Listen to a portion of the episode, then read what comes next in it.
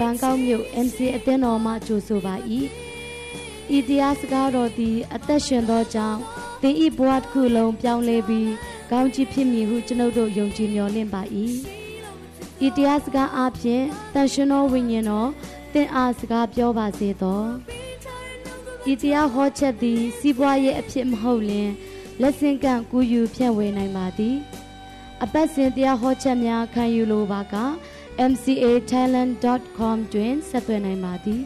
ရှိလို့မဖြစ်တော့တာသမီးများတွင်ကိုရောပေးချင်နှုတ်ကပတော်လေးဖြစ်ပြီးအလုံးမင်္ဂလာပါဘုရားခင်ကျေးဇူးတော်ကိုချီးမွမ်းပါတယ်ဒီနေ့ညနေမှာနှုတ်ကပတော်ဝင်ကားဖို့ဘုရားခင်ပြင်ဆင်ခြင်းအတွက်ကျေးဇူးတော်ချီးမွမ်းတယ်လို့အသင်းတော်ကိုလည်းသူပဲကျေးဇူးတင်ပါတယ်ကျွန်တော်နှုတ်ကပတော်အတွက်ခဏလေးဆုတောင်းရအောင် သက်ရှင်တော်ဖျားခင်နာမတော်ကိုချီးမွမ်းပါတယ်ကိုရောဒီသမီးတို့နဲ့အတူရှိတော်မူတော်ဖျားဖြစ်တယ်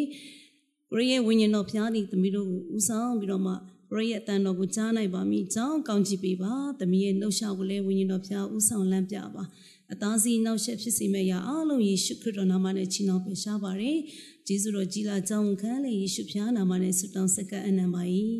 အာမင်ဒီနေ့ညနေမှာကျမတို့ဦးဆုံး တစ်ပေခန်းကြီးနှစ်ကိုကြည့်အောင် ရှင်ပေသူဩဝါဒပရမဆန်ဆောင်ခန်းကြီး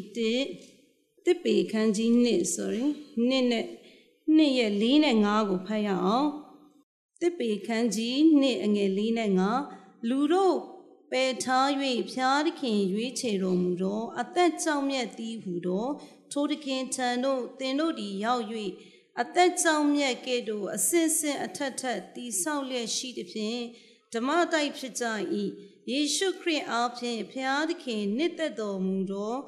ဓမ္မရစ်ကိုပူဇော်တော်တန်ရှင်သောရစ်ပရောဟိတ်မျိုးလည်းဖြစ်ကြ၏အာမင်စဒီမှာခန်းငယ်၄မှာဖျားသခင်ရွေးချယ်တော်မူသောအသက်ကြောင့်မြတ်သည်ဟူသောထိုတခင်ယေရှုခရစ်တော်ကိုပြောတာပေါ့နော်အသက်ကြောင့်မြတ်နေရွေးတော်ရွေးချင်းခံရတဲ့ သူများနဲ့ပတ်သက်ပြီးတော့မှပြောထားတယ်။ဆိုတော့အသက်ကြောင့်မြတ်ကယေရှုခရစ်တော်ကိုဆိုလိုတာဖြစ်တယ်။ဆိုတော့ယေရှုခရစ်တော်အားဖြင့်ဒီနေ့ယေရှုခရစ်တော်ကိုမိမိကယ်တင်ပိုင်ရှင်နေဖြင့်ယုံကြည်လက်ခံထားတဲ့သူတွေကိုကျမတို့အငယ်9မှာကြည့်တဲ့အခါမှာယေရှုခရစ်အားဖြင့်ဖခင်သခင်နှစ်သက်သောမူတော်မူရာဓမ္မရစ်ကို ပူဇော်ရတော်တန်ရှင်သောရစ်ပရောဟိတ်မျိုး အဲ့ဒီဝါကြလေးကိုကျွန်မပြောချင်တယ်။စာယေရှုခရစ်တော်အပြင်ကျွန်မတို့ကိုရွေးနှုတ်တဲ့အခါမှာယုံကြည်သူတယောက်အနေနဲ့ဓမ္မရစ်ကိုပူဇော်ရတော့တန်ရှင်သောရစ်ပရောဟိတ်မျိုးလို့ပြောတယ်။ဆိုတော့ယေရှုခရစ်တော်ကိုယုံကြည်တဲ့သူတွေကိုရစ်ပရောဟိတ်မျိုးလဲပြောသလိုကျမတို့နှုတ်ကပတ်တော်မှာများစွာတော့နှုတ်ကပတ်တော်တစ်ထဲမှာယုံကြည်သူတွေကိုရစ်ပရောဟိတ်လို့အော် ပြောထားတဲ့အရာတွေရှိတယ်ကျမတို့ဗျာဒိတ်ခန်းကြီး1အငယ်6မှာလဲရှင်ဘရင်အရာမှာတော့၎င်းရစ်ပရောဟိတ်အရာမှာတော့၎င်းခန့်ထားတယ်လို့ပြောတယ်ဆိုတော့ရစ်ပရောဟိတ်နဲ့ပတ်သက်ပြီးတော့မှဆင်ခြင်တဲ့အခါမှာကျမတို့ဓမ္မဟောင်းမှာဆိုရင်ရစ်ပရောဟိတ်ဖြစ်ခွင့်ရတဲ့သူကအ ਨੇ စုတော်သူတွေပဲဖြစ်တယ်ဆိုတော့ရစ်ပရောဟိတ်ဖြစ်တဲ့သူတွေကများစွာတော့ဒီစီကန်းချက်တွေနဲ့เนาะပြင်းထန်တဲ့စီကန်းချက်တွေနဲ့ဘောင်ခတ်ထားပြီးတော့မှတတ်မှတ်ထားပြီးတော့ တော့အသက်ရှင်ရတယ်ဆိုတာကိုတွေ့ရတယ်။ဆိုတော့အနှင်းငယ်တော့လူများတာလင်ရစ်ပရောဟိတ်ဖြစ်ခွင့်ရကြတယ်။နော်ဆိုရစ်ပရောဟိတ်တွေရဲ့အထူးခြားတဲ့လောက်ရက်ကတော့ယုံကြည်သူတွေရဲ့ကိုစားလူတွေရဲ့ကိုစားဖျားသခင်ရှေ့မှာတိုးဝင်ပြီးတော့မှနော်ရစ်ပူဇော်ခြင်းအမှုကိုလုပ်တယ်ဖျားသခင်နဲ့ဓာတ်ရိုက်ဆက်တွေ့ခြင်းအမှုကိုလုပ်ရတယ်။ဆိုတော့အ ਨੇ စုတော်လူတွေဒါရစ်ပရောဟိတ်အမှုကိုဆောင်ရပေမဲ့ ဒီနေ့ဂျေဇုတော်ကာလမှာတော့ယေရှုခရစ်တော်အားဖြင့်ယေရှုခရစ်တော်ကိုမိမိကယ်တင်ပန်ရှင်နေဖြင့်ယုံကြည်လက်ခံတဲ့သူတိုင်းရစ်ပရောဟိတ်ဖြစ်ခွင့်ရတယ်ဟာလေလုယာဆိုတော့ဓမ္မဟောင်းမှာကျမတို့တဲတော်ကိုကြည့်တဲ့အခါမှာတဲတော်ဝင်းထဲမှာအမှုဆောင်တဲ့သူတွေကရစ်ပရောဟိတ်တွေပဲဆိုတော့တာမန်လူတွေကအပြင်ဖက်မှာပဲနေပြီးတော့မှအာအစိတ်ခံရတယ်ဆိုတော့ကျမတို့ဒီနေ့ယေရှုကိုယုံကြည်လက်ခံရရှိတဲ့သူတွေကို ဒီဂျေဇုတော်ကာလမှာတော့ရစ်ပရောဟိတ်အနေနဲ့ဘုရားကခန့်ထားပြီးတော့မှသူ့ကိုအစီခံဖို့ဘုရားကကျမတို့ကိုရွေးချယ်တယ်ဆိုတော့ကိုနားလေရတယ်ဆိုတော့ဘုရားသခင်ရှေ့မှာပေါ့နော်ဘုရားခင်ရှေ့မှာကျမတို့ရစ်ပရောဟိတ်ဖြစ်ခွင့်ရပြီးတော့မှဘုရားခင်ရဲ့အစီကိုခံနိုင်ဖို့ဘုရားခင်ကကျမတို့ကိုယေရှုခရစ်တော်အပြင်ရွေးချယ်ခွဲခန့်တယ်ဆိုတော့ရစ်ပရောဟိတ်ဒီမှာရစ်ပရောဟိတ်ဖြစ်ခွင့်ရတဲ့သူကတန်ရှင်ခုနပြောတဲ့ ဓမ္မရစ်ကိုပူဇော်ရတော့တန်ရှင်တော်ရစ်ပရောဟိတ်မျိုးလို့ပြောတဲ့အတွက်ကြောင့်ရစ်ပရောဟိတ်ဖြစ်ခွင့်ရတဲ့သူကြီးဖျားသခင်ရှေ့မှာတန်ရှင်ဆိုတာအသက်ရှင်ရတယ်ဆိုတာတွေ့ရတယ်ဆိုတော့တန်ရှင်ခြင်းထဲမှာကျမတို့ဖြောင်းမဲ့ခြင်းလဲပါတယ်နော်တန်ရှင်ခြင်းနဲ့အသက်ရှင်ရဒီလိုဖျားသခင်ရှေ့မှာလဲဖြောင်းမဲ့ဆိုတာအသက်ရှင်ရတယ်ဆိုတော့အဲ့ဒီရစ်ပရောဟိတ်ဖြစ်တဲ့သူကလောကီပုံတဏ္ဍကိုမဆောင်ဘဲနဲ့ဖျားသခင်နှစ်သက်တဲ့ အသက်တာနဲ့အသက်ရှင်ရတယ်ဆိုတာကိုကျမတို့တွေ့ရတယ်ပြီးတော့မှဖျားကိုချစ်တဲ့နေရာမှာလဲစိတ်နှလုံးအကျွေးမဲ့နော်ဖျားကိုစက္ကတ်တဲ့အစီခံခြင်းနဲ့စန္ဒနဲ့အသက်ရှင်ရတယ်ဆိုတာကိုကျမတို့တွေ့ရတယ်အဲ့တော့ရစ်ပရောဟိတ်ဒီကောင်းသောအကျင့်မှာပဲကျင့်လေရတယ်နော်မကောင်းတဲ့အကျင့်တွေကိုရှောင်ပြီးတော့မှ ကောင်းတဲ့အကျင့်တွေမှာပဲကျင်လည်ပြီးတော့မှအသက်ရှင်ရတယ်ဆိုတာကိုကျမတို့ဓမ္မဟောင်းမှာလေ့လာတဲ့အခါမှာများစွာတော့ရစ်ပရောဟိတ်တွေရဲ့စီကန်းတွေများစွာသတ်မှတ်ထားတယ်ဆိုတာကိုတွေ့ရတယ်နော်ဆိုတော့သူဒီရစ်ပရောဟိတ်ဖြစ်ခွင့်ရတဲ့သူဒီသူ့ရဲ့ကိုယ်ခန္ဓာသူ့ရဲ့ဒီကိုယ်ခန္ဓာကဖြောင့်မတ်ခြင်းတစားကိုဆင်ပြီးတော့မှအသက်ရှင်ရတယ်တန်ရှင်သောသူဖြစ်တဲ့အတွက်ကြောင့်ဖြောင့်မတ်စွာနဲ့လည်းအသက်ရှင်ရတယ် ဘုရားသခင်မိနစ်သက်တဲ့ຢာတွေကိုရှောင်ပြီးတော့မှနော်ဘုရားသခင်နှစ်သက်တဲ့အသက်တာထဲမှာပဲအသက်ရှင်ရတယ်ဘာလို့လဲဆိုရင်ဒီများစွာတော့ယုံကြည်သူတွေကိုစားဘုရားသခင်ရှေ့ကိုဝင်တဲ့ခါမှာအပြစ်လှုပ်ထားတယ်ဒုစရိုက်လှုပ်ထားတယ်ဆိုရင်နော်အဲ့ဒီဘုရားသခင်ရှေ့မှာအသက်ရှင်ခွင့်မရအောင်ဆိုတော့အရှင်ချင်းနဲ့အသက်ရှင်ရတယ်ဖြောင့်မတ်ခြင်းနဲ့အသက်ရှင်ရတယ်သူ့ရဲ့ကိုယ်ခန္ဓာဖြောင့်မတ်ခြင်းကခန္ဓာကိုယ်ကဖြောင့်မတ်ခြင်းတစားကိုဆင်ပြီးတော့မှ ဖျားတခင်ကိုဆက်ကပ်ခြင်းနဲ့အသက်ရှင်ရတယ်ဆိုတာတွေ့ရတယ်ကျမတို့အဲ့ဒီတစ်ပေထဲမှာပဲခန်းကြီးတင့်ရဲ့အငယ်6နဲ့9ကိုလည်းဖတ်ရအောင်အနောက်ဘက်မှာတစ်ချက်တရွက်လန်ပြီးတော့မှအငယ်6နဲ့9အရေးကြို၍စုံစမ်းခြင်းကိုခံနိုင်တော်လေပျက်စီးတတ်သောရွှေကိုစစ်ကြောစုံစမ်းခြင်းထက်တင်တို့ယုံကြည်ခြင်းကိုစစ်ကြောစုံစမ်းခြင်းအရာသည်တာ၍မြတ်ဒီနှင့် ယေရှုခရစ်ပေါ်ထွန်းတော်မူသောအခါအချင်းအမွမ်းဂုံအတီဘုံအာနုဘောအလို့ငါဖြစ်မိအကြောင်းအထူးထူးအပြားပြားသောစုံစမ်းနှောက်ယှက်ခြင်းကိုခံရတော့အကြောင်းရှိလင်တင်တို့ဒီယခုခဏခံရ၍ဝမ်းနေတော်လဲအထက်ဆိုခဲ့ပြီးတော့ဂျေဇုတော်ကိုထောက်၍ရှင်လန်းသောစိတ်ရှိကြ၏အာမင်ဆိုရင်ကျမတို့ဂျေဇုတော်ကာလမှာယုံကြည်သူဖြစ်ခွင့်ရတဲ့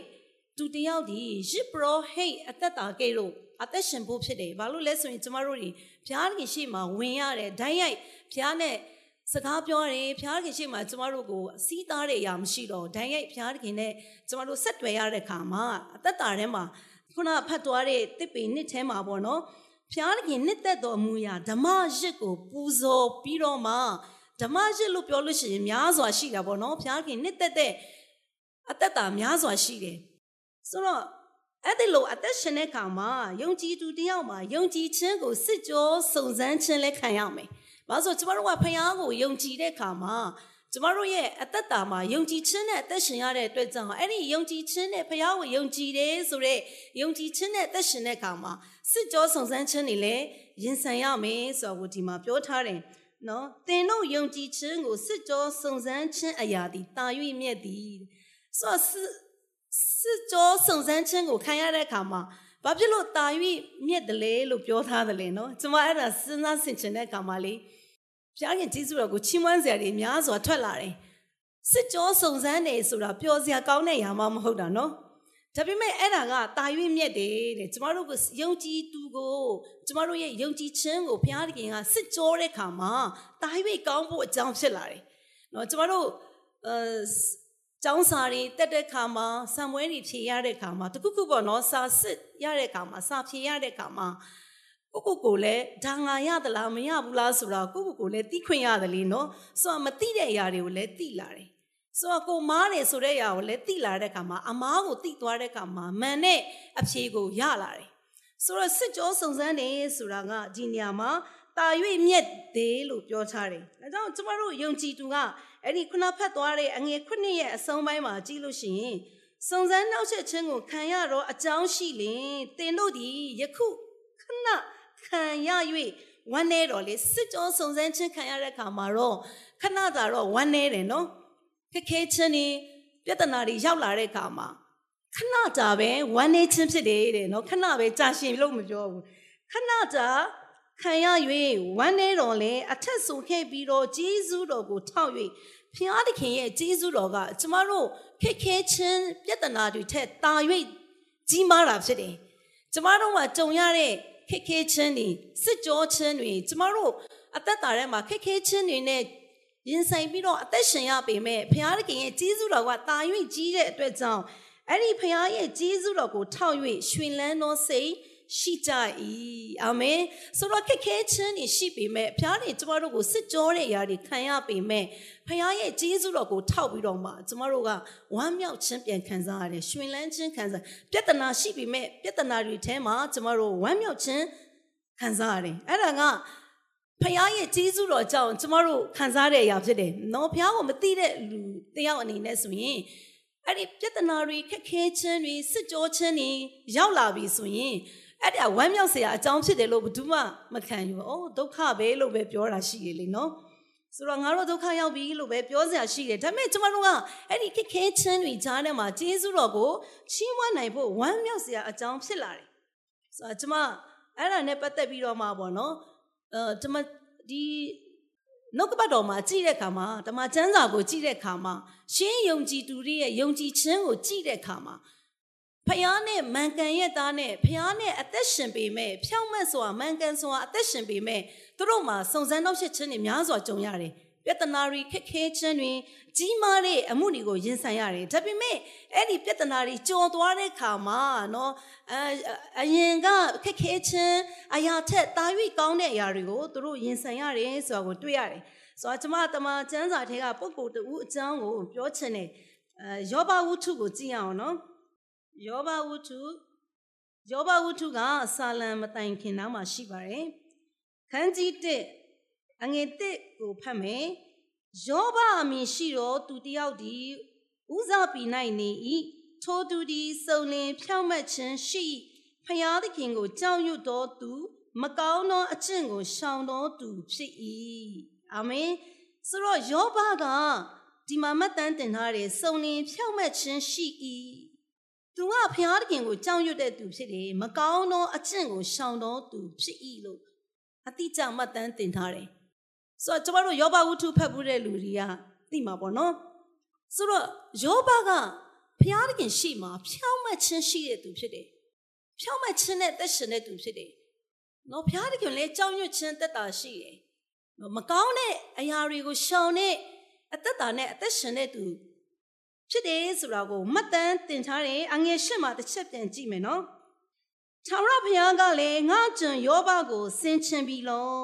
ညီကြီးပေါ်မှာသူနဲ့သူတော်သူတယောက်မျှမရှိ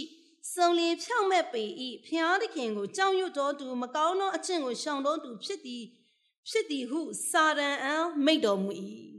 ဆိုတော့ဒီနှုတ်ကပတ်တော်ကိုဖတ်လို့ရှိရင်ဒါကဘု து ပြောနေတာလဲဆိုရင်ဖျားသခင်ကစာရန်ကိုပြောပြနေတာဖြစ်တယ် ယောဘအကြောင်းကိုနော်ဂုံယူပြီးတော့မှပြောနေတာငါကျွန်ယောဘကတော့ဖြောင့်မတ်ခြင်းနဲ့သက်ရှင်တဲ့သူဖြစ်တယ်ဖျားကိုကြောက်ရွံ့တဲ့သူဖြစ်တယ်မကောင်းတဲ့အကျင့်ကိုရှောင်တဲ့သူဖြစ်တယ်ငါကျွန်ယောဘကိုမင်းစင်ချင်မိသလားမင်းသူ့အကြောင်းကိုသိသလားပေါ့နော်ဆိုတော့ဖခင်သခင်ကယောဘရဲ့အသက်တာကောင်းမြတ်တဲ့အကြောင်းတွေကိုစာတန်ကိုပြောနေတာဆိုတော့ကျမအံ့ဩတယ်နော်ဖခင်သခင်ကစာတန်ကိုသူ့ကျွန်အကြောင်းကို ဂုံယူစွာနဲ့ပြောနေတာဆိုတော့စာတန်ကခိုးမယ်တတ်မယ်ဖြစ်စည်းမယ်လုပ်တဲ့သူလေးနော်ဆိုတော့သူ့ကျွန်ရဲ့ဒီယောဘရဲ့အကြောင်းကောင်းမြတ်တဲ့အရာကိုပြောတဲ့အခါမှာစာရန်စိတ်ထဲမှာစဉ်းစားမှာပေါ့နော်သူ့ကိုဘယ်လိုဖြည့်ဆည်းရမလဲဆိုတာဆိုတော့ဘုရားသခင်ကလည်းနော်သူ့ကိုစိန်ခေါ်တဲ့သဘောမျိုးနဲ့ပြောတာဖြစ်တယ်နော်ဆိုတော့အောက်ကိုကျမတို့ဆက်ပြီးတော့ကြည့်တဲ့အခါမှာ အငယ်ကိုကိုကြည့်တဲ့အခါမှာစာရန်ကလည်းယောဘသည်အကျိုးမရဘဲဖျားဝုတ်ကိုပြုတယ်လို့ဆိုတော့ကျမတို့အခန်းကြီးအဲ့ဒီတစ်ကိုနောက်ဆက်တွဲဖတ်လိုက်ရင်ဖျားသခင်နဲ့စာရန်နဲ့အပြန်လန်ယောဘနဲ့ပတ်သက်ပြီးပြောတဲ့အကြောင်းတွေကိုတွေ့ရတယ်။ဆိုတော့ယောဘကဖယားသခင်ကိုယိုသေးကြောက်ရွံ့ခြင်းနဲ့အသက်ရှင်တဲ့သူဖြစ်သည့်အတိုင်းပဲသူ့ရဲ့အသက်တာထဲမှာစာရန်ကဘာပြောလဲဆိုရင်ကိုရောရဲ့ကျွန်က ကိုရောပေးတဲ့ကောင်းကြီးတွေကိုခံစားပြီးတော့မှအဲ့ဒီအကျိုးမြတ်တွေကိုရရှိတဲ့အတွက်ကိုရောကိုကိုးကွယ်နေတာဖြစ်တယ်လို့နော်အောက်မှာကြည့်ရင် तू ကစာရန်ကဘုရားကိုပြန်ပြီးပြောတယ်နော်သူ့အသက်တာထဲမှာအကျိုးမြတ်တစ်စုံတစ်ခုမရဘူးဆိုရင်တော့အခုကိုရောကို तू ကိုးကွယ်နေတယ်ဆိုတာကကိုရောစီကနေပြီးတော့မှအကျိုးရှိနေတဲ့အတွက်ကြောင့်ကိုရောကိုကိုးကွယ်နေတာဖြစ်တယ်ဆိုပြီးတော့မှပြောတယ်နော်ဘုရားသခင်ကလည်းဘာပြောလဲဆိုရင် အငယ်စနစ်မှာနော်ထာဝရဘုရားကလည်းသူ၏ဥစ္စာရှိသမျှသည်တင့်လက်၌ရှိ၏သူ့ကိုယ်တစ်ခုကိုတောင်မထီမခိုင်နေဟုမိန့်တော်မူလင်စာရန်ဤထာဝရဘုရားထံတော်မှထွက်သွားလေ၏ဆိုဘုရားသခင်ကသူ့ကျွန်ယောဘရဲ့ဖြောင့်မတ်ခြင်းသူဘုရားသခင်ကိုကြောက်ရွံ့ခြင်းကိုလုံးဝစိတ်ချတယ်နော်လုံးဝစုံစမ်းခွင့်ပေးလိုက်တယ်နော်စုံစမ်းခွင့်ဘုရားကစာရန်ကိုယောဘစီကိုတွားပြီးတော့မှစုံစမ်းခွင့်ပေးလိုက်ပြီးတော့မှ စာရန်ကနော်ဘုရားသခင်ထံတော်ကနေထွက်သွားပြီးတော့မှယောဘစီကိုတွားပြီးတော့မှစုံစမ်းနေဆိုတာကိုတွေ့ရတယ်ဆိုတော့ယောဘကဘုရားသခင်ကိုတကယ်ပဲစစ်မှန်တဲ့ချစ်ချင်းမေတ္တာနဲ့နော်တကယ်ကိုးကွယ်တာမဟုတ်ဘူးလို့စာရန်ကဆွဆွဲတာဖြစ်တယ်ဆိုတော့သူ့ရဲ့ကျွင်ဝချင်းနော်သူ့ရဲ့ဒီဖျားပေးတဲ့ကောင်းကြီးတွေကြောင့်ဖះကိုကိုးကွယ်နေခြင်းဖြစ်တယ်ဆိုတာကိုစာတန်ကဆွတ်ဆွဲတာအဲဆိုကျမတို့ နော်အငယ်30လောက်ကနေစနစ်ထိခုနကျမဖတ်သွားတဲ့စနစ်ထိကြည့်တဲ့အခါမှာဖះကခွင့်ပြုလိုက်ပြီသူ့ရဲ့ကိုမဆ၍နော်သူ့အိမ်သူ့ဥစ္စာအငယ်30ကိုကြည့်ရင်လေကိုတော်ဒီတဲ့သူ့ကိုမဆ၍သူ့ရဲ့ခန္ဓာကိုမဆပြီးတော့သူ့အိမ်นี่သူ့ဥစ္စာရှိသမျှပတ်လည်၌ဆောင်ရမ်းထားတော်မူသည်မဟုတ်လောသူပြုလေသမျှတို့ကိုကောင်းကြီးပေးတော်မူပြီး သူတိုးနွားအဆရှိတော်တရိษံတို့သည်မြေပေါ်မှာအလွန်ပွားများကြပြီနော်ဒါစာရန်ကယောဘကိုဖျားတခင်ကောင်းကြီးပေးထားတဲ့အရာတွေကိုဖျားအဲစာရန်ကပြောနေတာကိုတော်ကယောဘကိုကွဲကာထားတယ်သူရဲ့ဥစ္စာတွေစီးစိမ်တွေသူရဲ့ချမ်းသာကြွယ်ဝခြင်းတွေကိုဆောင်ရမ်းထားတယ်တဲ့ဒီမှာအငယ်30မှာဖတ်တဲ့ကောင်ဆောင်ရမ်းကာတော်မူတည်မဟုတ်လို့ကျမအဲ့ဒီဆောင်ရမ်းကာတော်မူတည် ဆိုတဲ့အရာကိုနားလေချင်လို့ study လုပ်တဲ့ခါမှာလေအဲ့ဒီအရာကဆောင်ရမ်းကာတယ်ဆိုတဲ့အရာကဝိညာဉ်ရေးရရှုထောင့်ကနေကြည့်တဲ့ခါမှာမီးလောင်နေတဲ့နံရံကဲ့သို့ဖျားကယောဘကိုကာထားတာရန်သူဝင်လို့မရအောင်သူ့ရဲ့ဥစ္စာစည်းစိမ်ကျွယ်ဝခြင်းတွေကိုဖျက်ဆီးလို့မရအောင်ဘုရားကဇောင်ရမ်းကာထားတယ်မိလောင်နေတဲ့နံရံကဲ့သို့ရန်သူထိုးဖောက်လို့မရအောင်ဘုရားခင်ကသူ့ကိုကာကွယ်ထားတယ်၊ကွယ်ကာထားတယ် အဲအဲ့လိုမျိုးကွယ်ကာထားတယ်လို့ဆာရန်ကပြောတဲ့ခါမှာဟုတ်ပြီဒါဆိုရင်တော့မင်းကနော်ယောဘကိုတွားပြီးတော့စုံစမ်းလို့ရတယ်ဆိုပြီးတော့မှကျမတို့စနစ်ကိုဖတ်သွားတဲ့အတိုင်းပဲဘုရားကသူ့ကိုခွင့်ပြုလိုက်ပြီဆိုတော့ဒီနေရာမှာလေးနော်ဖယားသခင်ရဲ့ကွယ်ကာခြင်းကိုကျွန်မဦးဆုံးပြောချင်တယ်ယောဘရဲ့အသက်တာမှာဖယားသခင်ဆောင်ရမ်းကာကွယ်ထားတဲ့အရာနဲ့ပတ်သက်ပြီးတော့မှသူ့မှာကြွယ်ဝချမ်းသာခြင်းအများကြီးရှိတဲ့အရာနော်ရှိပေမဲ့ဖယားသခင်ကို तू က ချစ်ကြောက်ယိုသေးပြီးတော့မှဖြောင့်မက်ခြင်းနဲ့မကောင်းတဲ့အကျင့်တွေကိုရှောင်ပြီးတော့မှအသက်ရှင်တဲ့သူဖြစ်သည့်အတိုင်းပဲဘုရားသခင်ကသူ့ကိုများစွာကောင်းကြီးပေးထားတဲ့အရာကဘုရားသခင်ကွယ်ကာခြင်းကြောင့်စီးပွားချမ်းသာကြွယ်ဝခြင်းတွေကတနေ့တစ်နေ့တိုးပွားပြီးတော့မှများစွာကောင်းကြီးခံစားတယ်။ဆိုတော့ကျမတို့ဇာခရိအခန်းကြီးနဲ့အငယ်9ကိုကြည့်တဲ့အခါမှာဘာပြောထားလဲဆိုရင်ထာဝရဘုရားမိန့်တော်မူသည်ကငါသည်မြို့ကို ကာရောမီးမြို့ရိုးဖြစ်သည်လို့ပြောတယ်။ဘုရားသခင်ကမြို့ကိုကာရောမီးမီးမြို့ရိုးဖြစ်တယ်တဲ့နော်။မြို့ကိုကာထားတဲ့မီးမြို့ရိုးကဲတော့မီးမြို့ရိုးကဲတော့ဖယားသခင်ဒီကျမတို့ယုံကြည်သူတွေကိုကွဲကားတယ်ဆိုတာကိုတွေ့ရတယ်ဆိုတော့ဖယားသခင်ကိုယ်တိုင်ကမီးမြို့ရိုးကဲ့သို့ဖြစ်ပြီးတော့မှယုံကြည်သူသူ့ရဲ့သားသမီးတွေကိုကာကွယ်ထားတာဖြစ်တယ်ရန်သူထိခိုက်လို့မရအောင်မီးမြို့ရိုးတွေနဲ့ကာထားတဲ့ဘုရားသခင်ဖြစ်တယ်အာမင် ဆိုတော့ကျမတို့အသက်တာထဲမှာဒီနေရာမှာဆင်ခြင်တဲ့အခါမှာကျမတို့ဒီနေ့ဒီချိန်ထိဒီနေရာမှာရှိနေတယ်ဘုရားသခင်ပေးတဲ့ကျမ်းမာခြင်းတွေနဲ့ကောင်းကြီးတွေနဲ့ကျမတို့လုံခြုံစွာနေရခြင်းတွေဘုရားသခင်ကကျမတို့ကိုပွဲကာထားလို့ဖြစ်တယ်နော်မီးမြို့ရိုးကဲ့သို့ကျမတို့ကိုရန်သူထိခိုက်လို့မရအောင်ဖျက်ဆီးလို့မရအောင်ဘုရားသခင်ကပွဲကာထားတယ်ဆိုတာကိုတွေ့ရတယ်ဣတိလလူမျိုးတွေအကုတုကနေပြီးတော့မှခန္ဓာပြီးခရီးစဉ်ကိုတွားတဲ့ခါမှာ ကျမတို့အားလုံးသိရလေနော်အာနေ့အချိန်မှာလဲမိုးတိုင်အားဖြင့်ညအချိန်မှာလဲမီးတိုင်အားဖြင့်ဖျားတခင်ကသူတို့ကိုဟောသွားတယ်ဆိုတာကိုတွေ့ရတယ်ညအချိန်မှာဖြက်စီးတတ်တဲ့ဘေးအန္တရာယ်တွေနော်ဒီရန်သူဘေးအမျိုးမျိုးကနေပြီးတော့မှဘုရားကကွဲကာနိုင်ဖို့ရန်အတွက်နော်မိတိုင်နဲ့သူသူတို့ကိုလမ်းပြတာသူတို့ကိုကွဲကာထားတယ်နော်မိတိုင်အပြင်မိဆိုင်အလင်းအပြင်သူတို့ရဲ့ဒီခါနန်ခရီးစဉ်ကိုသွားတဲ့လမ်းတစ်လျှောက်မှာဘုရားသခင်ကကွဲကာထားတယ်ဆိုတော့တွေ့ရတယ် ဆိုတော့ဟေပြဲထဲမှာဆိုပါပြောလဲဆိုရင်ငါတို့ဘုရားသခင်นี่လောင်တော်မီလည်းဖြစ်တယ်လို့ပြောတယ်အာမင်ဆိုတော့ဘုရားသခင်ကလောင်တော်မီလို့ပြောတဲ့အခါမှာယန်တူကိုဖြစ်စီဖြိုဖျက်နိုင်တဲ့နားလည်နိုင်အောင်ပြောတာပေါ့နော်ယန်မီးလောင်တဲ့အရာတွေမြင်ဘူးမှာပေါ့မီးလောင်လို့ရှိရင်တော့ဘာမှမကြံအောင်နော်ဘာမှမကြံအောင်အကုန်လုံးပြဖြစ်အောင်လောင်ကျွမ်းလိုက်တာပဲ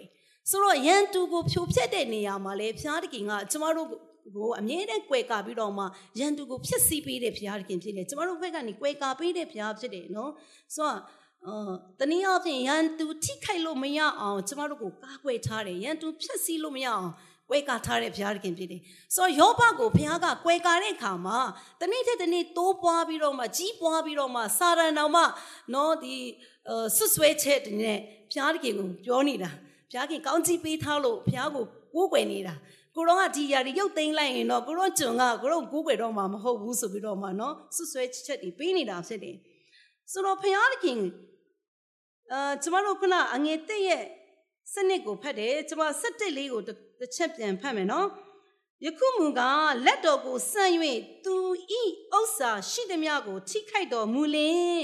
သူသည်မျက်မှောက်တော်၌ကိုရောကိုစွန့်ပယ်ပါလိမ့်မည်ဟုသာရဘုရားကိုပြန်လျှောက်လေစာတန်ပြောတဲ့အရာဖြစ်တယ်နော် သူသူ့မှာရှိတဲ့ဥစ္စာရှိသမျှကိုထိခိုက်လို့ရှိရင်ဘုရားခင်ဖျက်ဆီးလိုက်လို့ရှိရင်နော်ထိခိုက်လိုက်လို့ရှိရင်ကိုရောကိုသူစွန့်ပယ်မှာဖြစ်တယ်ဆိုပြီးတော့မှပြောတယ်ဆိုတော့ဒီနေ့ကျမတို့အသက်တာထဲမှာလဲဘုရားသခင်ကိုကိုးကွယ်တဲ့အခါမှာဘုရားကိုချစ်တဲ့အခါမှာဘုရားကိုအစီခံတဲ့အခါမှာသစုံတစ်ခုကိုခံစားရလို့ဘုရားသခင်ကောင်းကြီးပေးထားလို့ဘုရားသခင်ကျမတို့ကိုချီးမြှောက်ထားလို့ကိုးကွယ်နေတာမျိုးမဖြစ်ရအောင်ဆိုတော့ ဖယားသခင်ကယိုတေထိုက်တဲ့ဖယားကြောင်းရွတ်ထိုက်တဲ့ဖယားကိုးကွယ်ထိုက်တော့ဖယားဖြစ်လို့ဒါကျမတို့ကိုးကွယ်နေရချင်းတာဖြစ်ရမယ်ဖယားသခင်ရဲ့အစီကိုဖယားကိုအစီခံထိုက်တဲ့အတွက်ကြောင့်ကျမတို့အစီခံနေချင်းပဲဖြစ်ရမယ်ဆိုတော့အခုစာတန်မနက်ကဆွဆွဲတယ်လို့မျိုးပေါ့နော်ဖယားပေးထားတဲ့ကောင်းကြီးတွေကြောင့်ကိုရောကျွန်ကကိုရောကိုကိုးကွယ်နေပါတယ်လို့စာတန်ဆွဆွဲတဲ့အတိုင်းမဖြစ်ဖို့ အရေးကြီးတယ်နော်ဆိုတော့ကျမတို့ဖះကိုချစ်တဲ့အခါမှာဘာမျောလင်းချက်မှဖះစီကနေဘာရလို့ဖះကဘာကောင်းကြီးပေးလို့ဖះကိုချစ်နေတာမျိုးမဟုတ်ပဲနဲ့ဖះတခင်ကချစ်ထိုက်တဲ့ဖះဖြစ်တယ်ကိုးကွယ်ထိုက်တဲ့ဖះအစီခံထိုက်တဲ့ဖះဖြစ်တဲ့အတွက်ကြောင့်ဒါလေးကိုးကွယ်ပြီးတော့မှအစီခံနေဖို့ပဲဖြစ်ရမယ်ဒါကျမတို့အခန်းကြီး1ရဲ့အငယ်20ကိုကျမကြည့်မယ်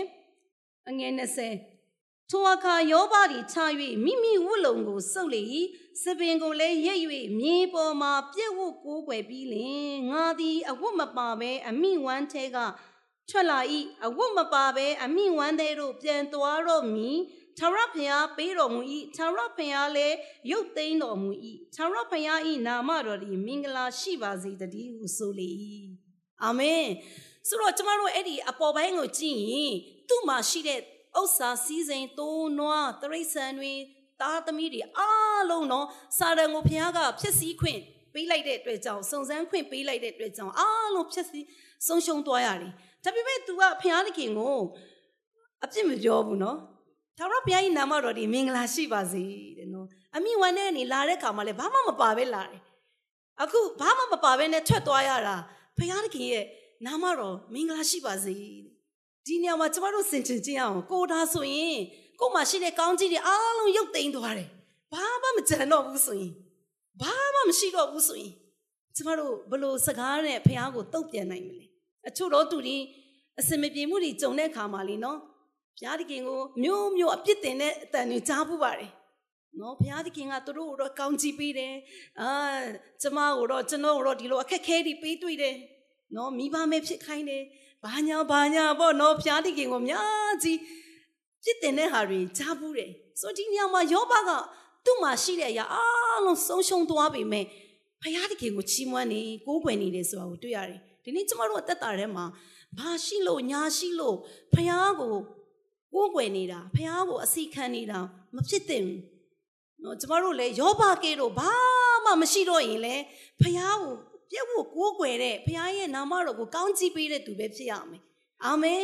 ဆိုတော့ဘုရားသခင်ကောင်းကြီးပေးခြင်းမပေးခြင်းပေါ်မှာမူတည်ပြီးတော့မှအသက်ရှင်ခြင်းမျိုးမဟုတ်ဘဲနဲ့ဘုရားသခင်ကအစီခံထိုက်တဲ့ဘုရားကိုးကွယ်ထိုက်တဲ့ဘုရားဖြစ်တယ်လို့အကျွင့်မဲ့ခံယူပြီးတော့မှကျမတို့ကအသက်ရှင်ဖို့ကောင်းပါတယ်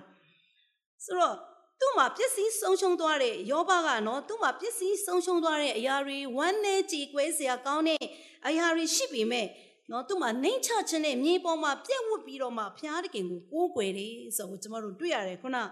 အငယ်20မှာနော်ဆိုတော့နောက်ပိုင်းမှာပြန်ကြည့်တဲ့အခါမှာလဲသူ့မှာအခုအခန်းကြီးတက်မှာကြုံတွေ့ရတဲ့အရာထက်တာ၍များပြားတဲ့နော်သူ့ရဲ့ဆင်းရဲဒုက္ခကအဲ့ဒီမှာပဲရပ်သွားတာမဟုတ်ပဲနဲ့သူ့ရဲ့ခန္ဓာကိုယ်တစ်ခုလုံးမှာအနာရောဂါတွေနဲ့နော်သူ့မိမတော်မှာသူ့ကိုစွန့်သွားသည့်တိုင်အောင်သူ့ အနာမှာဘသူမှမနေချင်တော့ရောက်လောက်ထိအနာရောဂါတွေဆွဲပြီးတော့မှဒုက္ခဆင်းရဲရောက်သွားရတယ်ဆိုအောင်တွေ့ရတယ်။ဒါပေမဲ့ तू အဲ့ဒါလိုမျိုးတော့သူ့မှာမရက်တန့်သွားတဲ့ဆင်းရဲဒုက္ခတွေနဲ့ပြင်းထန်စွာ तू ခံစားရပေမဲ့ဆက်လက်ပြီးတော့မှ तू ဘုရားကိုကိုးကွယ်တယ်။ဟာလေလုယာ။နော်ဆိုတော့ဒီနေ့ကျမအသက်တာထဲမှာလည်းကျမဆင်ချင်တယ်ပေါ့နော်ကိုရောကျမအသက်တာထဲမှာဘယ်ချိန်မှစုံစမ်းနောက်ဆက်ခြင်းတွေနဲ့ကင်းလွတ်ပြီးတော့မှ ပျော်ရွှင်စွာအသက်ရှင်ရမလဲလို့စဉ်းစားမိတဲ့ခါတွေရှိပါတယ်ဆိုတော့ဆင်းရဲဒုက္ခခက်ခဲခြင်းဆိုတာကျမတို့လူဖြစ်တဲ့အတွက်ကြောင့်အထူးသဖြင့်ဖျားသားသမီးတွေမှာနော်ယုံကြည်ခြင်းနဲ့ပတ်သက်ပြီးတော့မှအမြဲတမ်းစာရမဏတ်ကကျမတို့ကိုလာပြီးတွေးထိုးပြီးတော့မှအမြဲတမ်းကျမတို့ကိုဖျက်ဆီးဖို့ရန်အတွက်ကြံစီနေတဲ့သူဖြစ်တယ်။ဖျားနဲ့ကျမတို့မိတ္တဟာယဖြစ်နေတာကိုဘယ်တော့မှစာတန်ကမကြည်နဲ့ဘူး။ ကျမစာတန်ရဲ့အလုတ်ကခိုးမယ်တတ်မယ်ဖြစ်စည်းမယ်သူ့အလုတ်ကဒါပဲလေနော်။ဒါပေမဲ့ဖျားသခင်ကတော့စာတန်မနဲ့နဲ့ဆန့်ကျင်ပဲပဲ။နော်ဖျားကကျမတို့ကိုအမြဲတမ်းအဲ့ဒီကျမတို့ကြုံတွေ့ရတဲ့အခုယောဘရဲ့တက်တာကိုဆင်ခြင်တဲ့အခါမှာဖျားသခင်ခွင့်ပြုလိုက်လို့ဆင်းရဲဒုက္ခသူကြီးစွာခံစားရတယ်။ဒါပေမဲ့အဲ့ဒါကဖယားသခင်ကသူ့ကိုတာရွချီးမြှောက်ဖို့ဖြစ်တယ်ဆိုတော့ကျမတို့တွေ့ရတယ်။သူ့ကိုဆုံးရှုံးစေဖို့သူ့ကိုဒုက္ခရောက်ဖို့ ဖြစ်စည်းလိုက်တာမဟုတ်ဘူး။ဖယားဘက်မှာ तू ဘလောက်ထိဖယားကို तू ဘလောက်ထိဖယားကို तू ကိုးကွယ်တယ်လဲဘလို့စိတ်နှလုံးနဲ့ဖယားကို तू ကိုးကွယ်တယ်လဲဆိုတော့စာရန်ကိုစိတ်ခေါ်လိုက်တာ။ဒီနေ့ကျမတို့အသက်တာကိုလည်းဖယားသခင်ကစာရန်မနဲ့ရှိမှဝါကြွားပြီးတော့မှကျမတို့ကိုစိတ်ချပြီးတော့မှနော်ရန်သူရှိမှကျမတို့ကိုဖော်ထုတ်ပေးနိုင်တဲ့ဖော်ပြနိုင်တဲ့သူဖြစ်ရမယ်ကျမဒီမှာစဉ်းစားရလေနော်အိုးဘုရားသခင်ကစာတန်ရှိမှမှသူကောင်းကြီးပေးထားတဲ့လူကို ဆွဲထုတ်ပြီးတော့မှဖော်ထုတ်ပြီးတော့မှပြောတယ်နော်ရန်သူရှိမှကျမတို့ရဲ့ကောင်းမြတ်တဲ့အရာတွေကိုပြောဖို့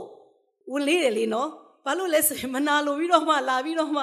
အဲကျမတို့ကိုတိုက်ခိုက်မှလဲဆိုရတယ်ဒါပေမဲ့ဘုရားသခင်ကတော့သူ့ကျွန်ယောဘရဲ့နှလုံးသားကိုသိတယ်စာရန်ရှိမှရဲရဲဝံ့ဝံ့ဆွဲထုတ်ပြီးတော့မှဝါကြွားရဲတယ်ဒီနေ့ကျမတို့ရဲ့အသက်တာထဲမှာလဲနော်ဘုရားသခင်ကကျမတို့ကိုယုံကြည်စိတ်ချပြီးတော့မှစာရမန်နဲ့ရှိမှထုတ်ဖော်ရဲတဲ့ နော်ကျမတို့ကိုဖော်ထုတ်ရဲတဲ့သူဖြစ်ရမယ်ဆိုတာကိုကျမဆင်ခြင်မိပါတယ်ဆိုတော့ဘုရားသခင်ကနော်ဒီလိုယောဘကိုဆင်းရဲဒုက္ခများစွာကြုံတွေ့စေပေမဲ့ဘုရားသခင်ရဲ့အလိုချင်ဆုံးဆန္ဒကဘာလဲဆိုရင်ဘယ်အရာတွေပျက်စီးဆုံးရှုံးသွားပေမဲ့သူ့ပေါ်မှာတစ္ဆာရှိစွာကိုးကွယ်နေတယ်သူ့ကိုမစွန့်သွားဘူးဆိုတဲ့အရာအလိုချင်ဆုံးပဲဆိုတာကိုတွေ့ရတယ်ဆိုတော့ယောဘမှာဘာမှမရှိတော့ဘူးလी ဒါပေမဲ့ဘုရားသခင်အလိုချင်ဆုံးအရာကအဲ့ဒီစည်းစိမ်ဥစ္စာကောင်းကြီးပေးထားပြီးတော့မှယောဘကဘာမှအပူပင်မရှိဘဲနဲ့နေတာကိုလိုချင်တာထက်သူ့ကိုတစ္ဆာနဲ့နော်ဘလို့ဘုံကပဲရောက်ရောက်ဖျားသခင်ကိုပြက်ဝတ်ကိုးကွယ်နေတာကိုပဲဖျားခင်လိုချင်နေဆိုတော့ကျမတို့ဒီနေရာမှာတွေ့ရတယ်။ အဲတော့ကျမတို့ဘလို့အခြေအနေပဲရောက်ရောက်ဖျားသခင်ရှေ့မှာကျမတို့အမြဲတမ်းကိုးကွယ်ခြင်းမှာသစ္စာရှိဖို့လိုတယ်ဖျားသခင်နဲ့မိတ္တာရပြုခြင်းမှာကျမတို့အမြဲတမ်းသစ္စာရှိဖို့ဖြစ်တယ်ဆိုတော့အာပြောချင်ပါတယ်။ဆိုတော့ယောဘမှာကျမယောဘဝုထုအခန်းကြီး1ကိုရောက်လာတဲ့အခါမှာယောဘမှာအဆွေခင်ပွန်း၃ယောက်ရှိတယ်အဲ့ဒါလေးတစ်ချက်ဖတ်မယ်နော်ယောဘဝတ္ထုအခန်းကြီး1အငယ်7ကိုဖတ်မယ်ထိုအခါ သေမန်အမျိုးသားအိလိဖက်ရှုအားအမျိုးသားဖိလဒန်နေမန်အမျိုးသားဇောဖာတီဟုသောယောဘ၏အဆွေခင်ပွန်း၃ယောက်တို့သည်သူ၌ရောက်တော်ဤအမှုကြီးအလုံးစုံတို့ကိုတည်င်းကြားလျင်ယောဘနှင့်အတူညီးတွား၍သူ့ကိုနှစ်သိမ့်စေခြင်းကစီဝေးမီစီဝေးမီချင်းချက်တီအတိုင်းအသီးသီးမိမိတို့နေရာအရက်မှရောက်လာကြ၏ ဆိုတော့ကျွန်မအခုဆက်တော့မဖတ်တော့ဘူးဆိုတော့ယောဘမှာရှိတဲ့တငင်ချင်းတွေကသူ့ရဲ့ဒီဆင်းရဲဒုက္ခရောက်တဲ့အရာကိုလာပြီးတော့အကြည့်ရှုလာတယ်ပေါ့နော်လာလာရောက်ပြီးတော့မှတွေ့သွားတဲ့အခါမှာယောဘနဲ့အတူသူကသူတို့ဝမ်းနဲ့ကြည်ကွဲမှုရှိတယ်နော်ယောဘကိုသူတို့နှစ်သိမ့်စကားတွေပြောဖို့သူတို့ရောက်လာတယ်နောက်ပိုင်းကြည့်တဲ့အခါမှာဒီတငင်ချင်း၃ယောက်ကဘာပြောလဲဆိုရင်ယောဘနော်မင်းမဖယားတခင်မနစ်သက်တဲ့ဒုစရိုက် ရှိနိုင်တယ်အဲ့ဒီအပြစ်ဒုစရိုက်ထဲကနေနောင်တရပြီးတော့မှဖျားတခင်ကိုဝန်ချတောင်းပန်ပြီးဖျားတခင်ရှေ့မှာပြန်လာပါလို့သူတငယ်ချင်းတွေကယောဘကိုပြောတယ်ဆိုတော့တငယ်ချင်းတွေရဲ့အမြင်မှာကယောဘဆင်းရဲဒုက္ခရောက်ရခြင်းတွေယောဘရဲ့ဒုစရိုက်ကြောင့်ဖြစ်တယ်လို့သူတို့မြင်တယ်ဆိုတော့ဒါလူရဲ့အမြင်က အင်မတန်ကောင်းတဲ့အရာလို့ပြောလို့ရပါတယ်နော်။အော်ဆင်းရဲဒုက္ခရောက်တဲ့အခါမှာသူ့ရဲ့ဒုစရိုက်တွေကိုဝန်ချတောင်းပန်ခြင်းနဲ့ဖျားတခင်ရှေ့မှာနောက်နောက်နဲ့ပြန်လာဖို့သူတို့ကယောဘကိုသူတို့ပြောပြတယ်။ဒါပေမဲ့အမှန်တကယ်မှာယောဘကဒုစရိုက်ကြောင့်ခံရတဲ့ဆင်းရဲဒုက္ခမဟုတ်ဘူး။ဆိုတော့ကျမတို့တခါနေရာမှာလူတွေလူတွေရဲ့ဒုက္ခဆင်းရဲရောက်တဲ့အခါမှာကျမတို့ကဘလို့ထင်တတ်လဲဆိုရင်ဟုတ်တယ်သူကအခုယောဘရဲ့တငယ်ချင်းတွေလို့ပေါ့နော်။အပြစ်ဒုစရိုက်တစ်စုံတစ်ခုကျူးလွန်ထားလို့ ဆင်းရဲဒုက္ခရောက်တာဖြစ်တယ်ဖြစ်နိုင်တယ်လို့ကျမတို့ထင်တတ်ပါတယ်ဆင်းရဲဒုက္ခဟူသည်သည်အပြစ်ဒုစရိုက်ကြောင့်ရောက်လာတာမဟုတ်နိုင်မဟုတ်ဘူးဆိုတာကိုလည်းကျမတို့စင်ချင်ဖို့ဖြစ်တယ်ဖယားသခင်အခွင့်ပေးလို့ရောက်လာတဲ့အရာเนาะကျမတို့အပြစ်ဒုစရိုက်ကြောင့်ရောက်လာတဲ့ဒုက္ခဆင်းရဲခြင်းလည်းရှိသလို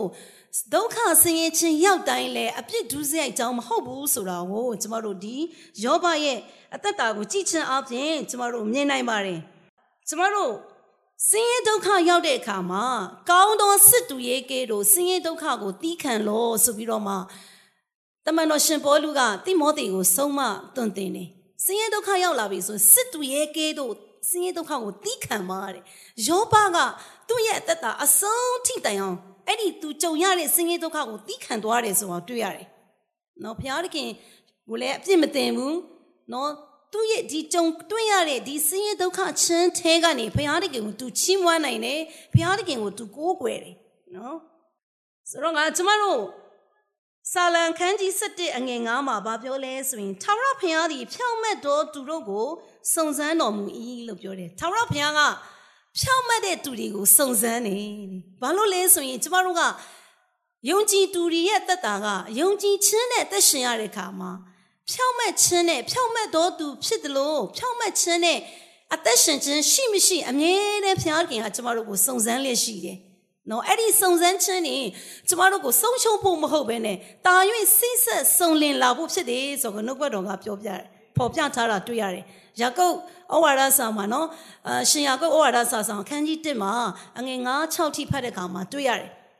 များစွာသောဆင်းရဲဒုက္ခတွေစုံစမ်းနှောက်ယှက်ခြင်းတွေကြုံတွေ့ရခြင်းအထူးထူးအပြားပြားသောစုံစမ်းနှောက်ယှက်ခြင်းကြုံတွေ့ရခြင်းကကျမတို့စိတ်ဆက်စုံလင်ဖို့အကြောင်းဖြစ်တယ်တဲ့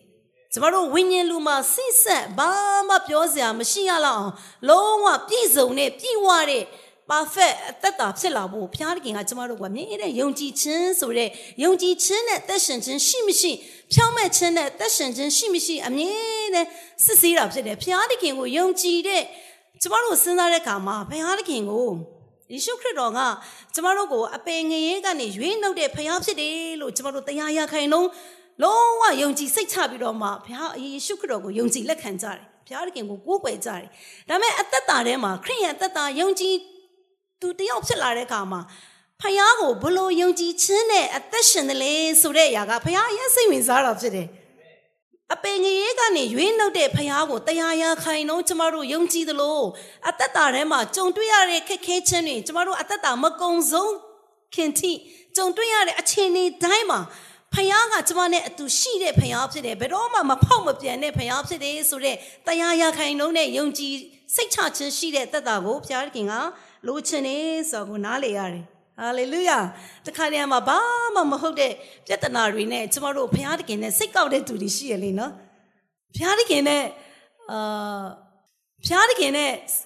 ကျမတို့တကယ်ပဲချစ်ချင်းမြတ်တာနဲ့နေ့စဉ်ကျမတို့ဘုရားသခင်နဲ့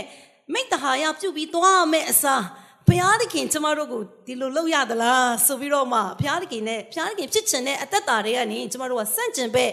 ဘုရားကိုစိတ်ကောက်ပြီးတော့မှစန့်ကျင်ဘက်အသက်ရှင်ခြင်းအသက်တာတွေလည်းတွေ့ရတယ်အမှန်မှန်ကတော့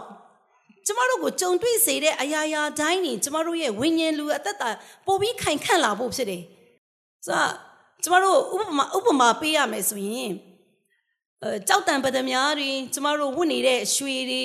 နော်အဲပဒမြားတွေ ကြောက်စိမ့်တွေအဲ့ဒီကြောက်တံပဒမြားတွေကလူခန္ဓာပေါ်မှာလလပပဖြစ်လာဖို့ဆိုရင် तू ကအများကြီးဖြတ်တန်းလာခဲ့တာလေနော်။အိုးမြေကြီးတွင်းကနေသူ့ကိုခက်ခက်ခက်ခက်တူးတူးရတယ်။ပြီးရင် तू ကကြောက်ရိုင်းနေဖြစ်တယ်။ကြောက်စိမ့်ဆိုတာလဲနော်။အမှန်ဆိုရင်အရိုင်းတုံးဖြစ်တယ်ကြောက်အရိုင်းတုံးဖြစ်တယ်ဒါပေမဲ့အထဲမှာအည်တွေးနဲ့ပြေဝတဲ့ဒီအဲကြောက်စိန်အည်တွေးနဲ့ပြေဝတဲ့ကြောက်စိန်တစ်ခုဖြစ်လာဖို့ရန်အတွက်သူ့ကိုဖျက်တော့ရတယ်လီးထုတ်ရတယ်အမြဲတမ်းတွေးဖြတ်ရတယ် ဆိုတော့လှပတဲ့လူဒီတန်ဖိုးထားတဲ့သစားတစ်ခုဖြစ်လာဖို့ရန်အတွက်အများကြီးဖြတ်တန်းလာရတာထိုနည်း၎င်းပဲကျမတို့တက်တာထဲမှာလည်းဘုရားသခင်ရှိမှတန်ဖိုးရှိတဲ့နော်အင်မတန်မှမြင့်တဲ့သူတယောက်ဖြစ်လာဖို့ရန်ဆိုရင်များစွာတော့ခက်ခဲခြင်းတွေနဲ့ရင်ဆိုင်ကြုံတွေ့ရမှာပဲဒီအရာကကျမတို့ကိုယုံကြည်ခြင်းကိုတွေးပေးတဲ့အရာတစ်ခုဖြစ်တယ်ဆိုတာကိုလည်းနားလည်ရပါတယ်ဟုတ်ပြီကျမယောဘဝုထုအခန်းကြီး42ကိုဒီဂျားတွေကဟာတွေကိုကြော်လိုက်မယ် ဒီယောဘဝုထုကိုဖတ်တိုင်းဖတ်တိုင်းမှာကျမအသက်တာထဲမှာယုံကြည်ခြင်းကိုအများကြီးကျမကိုဆွဲတင်ပေးတယ်ဘုရားကအာကျမတို့ယောဘဝုထုမဖတ်ဘူးတဲ့သူတွေလည်းအဆဆုံးဖတ်စီချင်ပါတယ်အခန်းကြီး42အငယ်30ကနေ7ထိဆိုရင်တော့ရှည်တယ်ပေါ့နော်30လေးကိုတစ်ချက်ဖြတ်ဖတ်မယ်ပြီးရင်7နှစ်ကိုဖတ်မယ်ယောဘသည်အဆွေခင်ပွန်းတို့အဖို့ဆုတောင်းပြီးမှ သူခံရသောဒုက္ခအကြောင်းကိုထာဝရဘုရားသည်ပယ်ရှင်း၍အရင်ထက်နှဆသောဥစ္စာကိုပေးတော်မူ၏အာမင်ဆိုတော့ဘုရားသခင်ကသူ့ကိုနော်ယောဘရဲ့အတ္တတာမှာသူ့ကိုသူ့ရဲ့အဆွေခင်ပွန်းတွေအဖို့သူဆုတောင်းပေးတယ်ဘာဖြစ်လို့လဲဆိုရင်သူ့ကိုများစွာဒီတငယ်ချင်းတွေကသူ့ကိုယုံကြည်ခြင်းမှာရိုင်လဲသွားဖို့ဖះကိုတန်တရားဖြစ်စေဖို့ရန်အတွက် အများကြီးသူ့ကိုတွေးထိုးပေးတဲ့အကြောင်းတွေတွေ့ရတယ်ကျမတို့အဲ့ဒီယောဘရဲ့တငယ်ချင်းအကြောင်းပြောတဲ့အပြန်အလှန်ပြောတဲ့အရာတွေကိုဖတ်တဲ့အခါမှာယောဘရဲ့နှလုံးသားဖျားသခင်ကိုတန်တရားရှိဖို့ရန်အတွက်ရှိစေဖို့ရန်အတွက်အများကြီးသူတို့အပြန်အလှန်ပြောတဲ့စကားတွေရှိတယ်ဆိုတော့နော်ဒီယောဘက तू ဘလောက်ပဲဆင်းရဲခက်ခဲခြင်းတွေကြုံတွေ့ရပေမဲ့ကျမအဲ့ဒီမှာယောဘ40နှစ်30အကြောင်းကိုမပြောသေးပဲနဲ့ခုနှစ်ကိုတစ်ချက်ဖတ်မယ်နော် ထို့တို့ထာဝရဘုရားသည်ယောဘအားမိတ်တော်မူပြီးမှတင်းမန်အမျိုးသားအိလဖက်အားလည်းတင်းနဲ့တင်းအဆွေခင်ဖို့နှစ်ယောက်ကိုငါအမျက်ထွက်၏အကြောင်းမူကားငါကျွန်ယောဘသည်ငါအကြောင်းအရာတို့ကို ဟုတ်မှန်စွာပြောတဲ့ကဲ့သို့သင်တို့သည်မပြောတို့ဖြစ်၍နွားထီးခုနှစ်ကောင်နှင့်တိုးထီးခုနှစ်ကောင်တို့ကိုယူပြီးလင်ငါကျွန်ယောဘထံတို့တွား၍မိမိတို့အဖို့မင်းရှို့ရာရစ်ကိုပူဇော်ကြလော ဒီမှာယောဘကိုပြစ်တင်နေယောဘကိုဖျားကိုတန်တရားရှိအောင်ပြောဆိုတဲ့တငယ်ချင်းတွေကိုနော်အဖျားကပြောနေတာဖြစ်တယ်မင်းတို့ငါကျွန်ယောဘစီကိုတွားပြီးတော့မှတောင်းပန်ပါတဲ့နော်ဖျားတခင်ကအဲ့ဒီယောဘရဲ့တငယ်ချင်းတွေကိုဒေါရထွက်တယ်အမျက်ထွက်တယ်ငါကျွန်ယောဘထံကိုမင်းတို့တွားတွားပြီးတော့မှနော်အာနွားထီခုနှစ်ကောင်တိုးထီခုနှစ်ကောင်ယူပြီးတော့မှတွားတောင်းပန်ဖို့ယောဘရဲ့တငယ်ချင်းတွေကိုပြောတာဖြစ်တယ် ဆိုတော့ဘလောက်ဂုံယူစရာကောင်းတယ်လဲနော်ယောဘရဲ့တက်တာကိုဆင်ခြင်တဲ့က तू ကဘလောက်ပဲဆင်းရဲဒုက္ခရောက်ရောက်ဖယားကို तू ယုံကြည်ကိုးစားတဲ့ဖယားတခင်ကိုးကွယ်တဲ့နေရာကနေတလက်မှမမယူဘူးဆိုတာတွေ့ရတယ်လုံးဝအပြက်ဖယားတခင်ဖက်မှာပဲ तू ရက်တည်တယ်ဒါပေမဲ့တငယ်ချင်းတွေကတော့အမျိုးမျိုးပြောတာပေါ့နော်ဆိုတော့ဒီမှာငါကျွန်ယောဘပြောတကယ်တော့မင်းတို့မပြောဘူးတဲ့ဒါကြောင့်မို့မင်းတို့သွားပြီးတော့ငါကျွန်ယောဘကိုသွားတောင်းပန်ပါ အဲ့ဒီအတွက်ကြောင့်ယောဘကသူဒီသူ့ရဲ့တငယ်ချင်းတွေကိုဆုတောင်းပေးတာပြီးတဲ့အခါမှာဘာပြောလဲနော်ခုနကျမတို့30ကိုရောက်လာတဲ့အခါမှာသူခင်မွန်းတွေအတွက်သူ့ရဲ့တငယ်ချင်းတွေအတွက်သူဆုတောင်းပေးတယ်ပြီးတော့သူခံရတော့ဒုက္ခအကြောင်းကိုထာဝရဘုရားသည်ပယ်ရှင်း၍ဟာလေလုယာယောဘတတတရှောင်းလို့ခံစားခဲ့ရတဲ့ဒုက္ခဆင်းရဲတွေကိုဒီတစ်ခါဘာလုပ်လိုက်ပြီလဲဘုရားကပယ်ရှားပလိုက်ပြီပယ်ရှားပလိုက်ပြီးတော့မှ အရင်ထက်နှဆတော့ဥစ္စာကိုပေးတော်မူ၏ဟာလေလုယာကျမတို့စနစ်ကိုပြန်ကြည့်အောင်ထို့သောထာဝရဘုရားသည်ယောဘ၏ရှင်းဖြစ်ဟန်ကို ကောင်းကြီးပေးတော်မူသည့်ထက်နောက်ဖြစ်ဟန်ကိုတာ၍ကောင်းကြီးပေးတော်မူသည်ဖြင့်သူသည်တိုးတတောင်လေးထောင်ကလောအုပ်6ထောင်နွားရှင်တစ်ထောင်မြင်းမတစ်ထောင်ကိုရတတ်၏သား9ယောက်နှင့်သမီး3ယောက်ကိုလည်းရပြန်၏ဟာလေလုယာ ဒီမှာဆက်ဖတ်ရင်သမီးကြီးကနော်ဘဒူဆိုတာကိုဆက်ပြီးရေးထားတယ်ဆိုတော့ပြောချင်တာကယောဘရဲ့တက်တာထဲမှာဆင်းရဲဒုက္ခချင်းတွေခက်ခဲချင်းတွေများစွာကြော်ဖြတ်ခဲ့ပြီမဲ့နောက်ဆုံးမှာဘုရားကသူကြုံတွေ့ရတဲ့ဒုက္ခဆင်းရဲတွေကိုဖယ်ရှားလိုက်ပြီးမှအရင်ထဲရှိဖြစ်ဟန်တဲ့နောက်ဖြစ်ဟန်ကတာ၍ကောင်းကြီးခံစားရတယ်ဆိုတာကိုတွေ့ရတယ်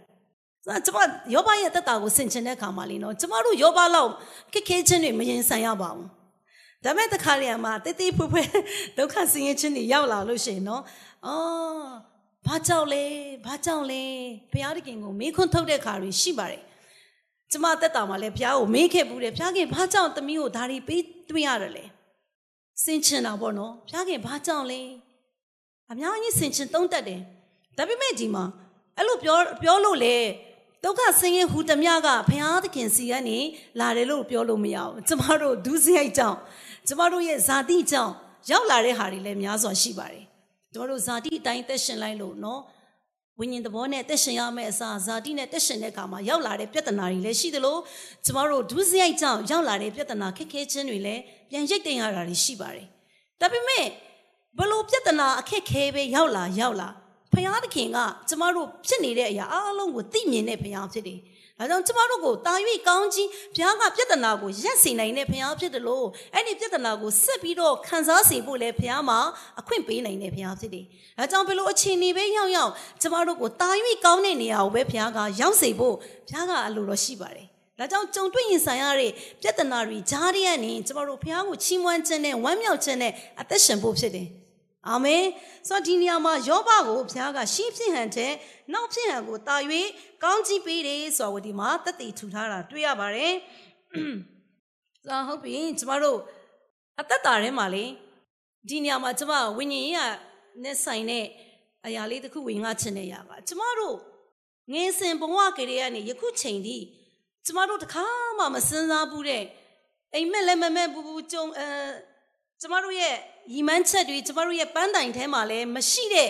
အကြံစီတွေကျမတို့အတွက်ဘုရားသခင်စီမှာရှိတယ်။အာမင်။ဘာဖြစ်လို့လို့ပြောလဲဆိုရင်ဟေရှာယ55မှာပြောတယ်လीနော်။ဘုရားသခင်ရဲ့အကြံစီကတဲ့မြေကြီးနဲ့ကောင်းကင်ကွာခြားတကယ်တော့နော်။ဘုရားသခင်ရဲ့အကြံစီတော်ဒီတာ၍မြင့်နေတဲ့ကျမတို့လူရဲ့အကြံစီတဲ့ဘုရားရဲ့အကြံစီကတာ၍မြင့်တာဖြစ်တယ်။အာမင်။ဒါကြောင့်ကျမတို့ဘလို့ပြဿနာတွေကျမတို့အသက်တာကာလမကုံဆုံးခင်တည်းကြုံတွေ့ရမယ်။ ပြဿနာအလုံးစုံတွေထဲမှာကျမတို့တဲ့တာ၍ကောင်းတဲ့တာ၍မြင့်တဲ့အကြံစီဘုရားခင်မှာရှိတာဖြစ်တယ်။ကျမတို့ကတော့ကျမအနေနဲ့ဆိုရင်တော့ဒီထိုင်းနိုင်ငံကိုလာတာတစ်နှစ်ပဲအလုပ်လုပ်ဖို့လာတာ။ဒီလိုဘုရားခင်ရဲ့အမှုတော်ကိုလုပ်ဖို့လာတာလည်းမဟုတ်ဘူး။တခါမှလည်းအိမ်မက်ထဲမှာလည်းမရှိဘူး။နော်ကျမရဲ့ရည်ရွယ်ချက်ထဲမှာလည်းမရှိဘူး။ဒါပေမဲ့အဲ့ဒီဘုရားခင်ရဲ့အကြံစီကလူရဲ့အကြံစီအတွက်တာ၍မြင့်တယ်လို့ပြောတဲ့ဟာကိုကျမအကျွင့်မဲ့ယုံကြည်တယ်။ ဆိုတော့ယခုဖြစ်နေတဲ့ကျမသက်တာထဲမှာဖြစ်နေတဲ့အရာအားလုံးကဘုရားရဲ့အကြံစီတော်ထဲမှာရောက်လာတဲ့အရာတွေဖြစ်တယ်။အဲကြောင့်ဒီမှာအားပေးချင်တာညီကိုမောင်မတွေကိုကျမတို့ရဲ့သက်တာထဲမှာကျမတို့တခါမှမစင်စားဘူးတဲ့အလွန်ကောင်းတဲ့အရာတွေဘုရားခင်စီမှာကျမတို့အတွက်ကျမတို့အတွက်အကြံစီတွေရှိတယ်။ဟာလေလုယာ။ကျမတို့တခါမှမရောက်ဘူးတဲ့နေရာတွေတခါမှမကြုံဘူးတဲ့ တာ၍ကောင်းမြတ်တဲ့နေရာတွေကိုဘုရားသခင်ကပို့ဆောင်ဖို့ကျမတို့ကိုဘုရားသခင်ကလမ်းပြနေတာဖြစ်တယ်။ယခုလက်ရှိမှာကြုံတွေ့ရတဲ့အရာကအချိန်ကြီးကောင်းတာဖြစ်ရင်ဖြစ်မယ်မကောင်းဘူးလည်းဖြစ်ရင်ဖြစ်မယ်။ဒါပေမဲ့အဲ့ဒီအရာတွေအားလုံးထဲမှာဝမ်းမြောက်စွာနဲ့ဘုရားကိုစိတ်ချခြင်းနဲ့သက်ရှင်ဖို့ပဲဖြစ်တယ်။အာမင်။တခါတည်းမှာကျမတို့ကဘုရားကိုစိတ်မချခြင်းနဲ့အကြောင်းအရာတွေဖြစ်လာတတ်တယ်။နော်ဘုရားသခင်ဘုရားကိုစိတ်မချနော်ဒီငါတော့ဒုက္ခရောက်တော့မှာပဲ။ ငါတော့ဘဝပြတ်တော့မှာပဲလို့ခံစားရနိုင်တဲ့အခြေအနေတွေများစွာကြုံတွေ့တတ်တယ်။ဒါပေမဲ့အဲ့ဒီအဲမှာဘုရားသခင်ကကျမတို့ကိုအကောင်းဆုံးနေရာကိုပဲပို့ဆောင်နေဘုရားဖြစ်တယ်ဆိုတော့အားပေးချင်ပါတယ်။နောက်ဆုံးကျမ်းပိုက်နေနဲ့ယောမဩဝါဒစာခန်းကြီး၈ကိုကျမတို့ဖတ်ပြီးတော့အဲနင်းငယ်ပြောပြီးတော့မှအဆုံးတတ်ဖို့ဖြစ်ပါတယ်။နော်ကျမတို့အဲ့ဒီနှုတ်ပတ်တော်ကအမြင်နဲ့လဲကြားဖို့ရရာဖြစ်ပါတယ်။ယောမဩဝါဒစာခန်းကြီး၈ငယ်28 အားလုံးတူတကွဖတ်ရအောင်နော်ဖျားသခင်ကိုချစ်တော်သူတည်းဟူသောကျမ်းစီတော်မူခြင်းအတိုင်းခေါ်တော်မူသောသူတို့၏အကျိုးကိုခတ်သိမ်းသောအရာတို့သည်တညီတညွတ်သည်ပြုစုကြသည်ကိုငါတို့သိကြ၏အာမင်ဖခင်သခင်ကကျမတို့ကိုရွေးနှုတ်ခေါ်ယူခေါ်ထုတ်ထားတဲ့တိတန့်ခေါ်ထုတ်ထားတဲ့သူတွေဖြစ်တယ်အဲကြောင့်ဖခင်သခင်ရဲ့အကြံစီတော်ထဲမှာကျမတို့ကိုခေါ်ထုတ်ထားတဲ့သူတွေအတွေ့နော် အဲ့ဒီလူတွေရဲ့အကျိုးခတ်သိမ်းလို့အရာတို့ဒီတဲ့ခတ်သိမ်းလို့အရာကတညီတညွတ်ဒီပြည့်စုတယ်။ကောင်းတဲ့အရာဖြစ်စေမကောင်းတဲ့အရာဖြစ်စေကျမတို့ကြိုက်တဲ့အရာဖြစ်စေမကြိုက်တဲ့အရာဖြစ်စေကျမတို့ကိုတညီတညွတ်ဒီပြည့်စုနေတဲ့အရာတွေပဲဖြစ်တယ်။အချိန်ဒီတိုင်းကကျမတို့ရဲ့အသက်တာကိုပြည့်စုပေးနေတာ။ဟာလေလုယာ။သင်ဘလို့အချိန်တွေပဲကြုံရကြုံရဘလို့အမှုပဲကြုံရကြုံရကြီးတော့အမှုပဲဖြစ်ဖြစ်သိငယ်တဲ့အမှုပဲဖြစ်ဖြစ်အဲ့ဒီအရာတွေသင်အတွက်ဖခင်ကပြည့်စုပေးနေတဲ့အရာဖြစ်တယ် အဲ့ဒီပြဿနာတွေဂျားထဲမှာဘုရားရဲ့ကောင်းမြတ်ခြင်းကိုတာ၍မြင်ဖို့ဘုရားခင်ကကျမတို့ကိုပြုစုပေးနေတာဖြစ်တယ်။ဒါကြောင့်ခတ်သိမ်းသောအရာလို့ပြောတဲ့အတွက်ကြောင့်လောကမှာကြုံတွေ့ရင်ဆိုင်နေရတဲ့အရာခတ်သိမ်းနေကျမတို့အကျိုးအတွက်ပဲဘုရားခင်ကကျမတို့ကိုကြုံတွေ့စေတာဖြစ်တယ်လို့အပိချင်ပါတယ်နော်ယောဘအသက်တာကျမတို့ကိုအဲဆင်ချင်တဲ့အခါမှာသူ့မှာကြုံတွေ့ရင်ဆိုင်ရတဲ့ကြီးမားတဲ့အမှုရာတွေရှိပေမဲ့ဘယ်တော့မှဘုရားတခင်ကိုအာ ကွန်ပလိမတက်ဘူးပေါ့နော်ဘုရားသခင်ကို तू ရမ်းမတွေ့ဘူးဘုရားသခင်ကို तू အပြစ်မတင်ဘူးအဲ့ဒီထဲမှာ तू ငြိမ်သက်ခြင်းနဲ့ဘုရားသခင်ကိုပြတ်ဖို့ကိုးကွယ်ခြင်းနဲ့အဆုံးထိတိုင်အောင် तू အသက်ရှင်သွားတဲ့အခါမှာဘုရားသခင်ကနော် အရင်ထက်တာ၍နဆတော့ကောင်းကြီးမင်္ဂလာကိုဘုရားခင်ကပေးတယ်ဆိုတော့တွေ့ရတယ်ကျမတို့တက်တာထဲမှာကောင်းကြီးလို့ပြောတဲ့အခါမှာမြင်ရတဲ့မျက်စိနဲ့မြင်ရတဲ့တိုးတွေနွားတွေဥစ္စာစည်းစိမ်တွေလည်းဖြစ်နိုင်တယ်လို့ဝိညာဉ်ရေးအားဘုရားတခင်နဲ့တာ၍ယင်းဤကျွမ်းဝင်ဖို့ဝိညာဉ်ရေး level နောက်တစ်ဆင့်ကိုရောက်ဖို့ရန်အတွက်လည်းဘုရားကကျမတို့ကိုချီးမြှောက်နိုင်တဲ့ဘုရားတခင်ဖြစ်ပါတယ်လို့ကိနေညမှာကျမ်းစာတွေနှုတ်ကပတ်တော်အပြင်ရောက်စီတဲ့ကိုဘုရားခင်တစ်တပံစကားပြောပါစေအာမင်ကျမတို့အားလုံးမတက်ရပြီးတော့မှတူတကွာဆုတောင်းဆက်ကပ်ခြင်းနဲ့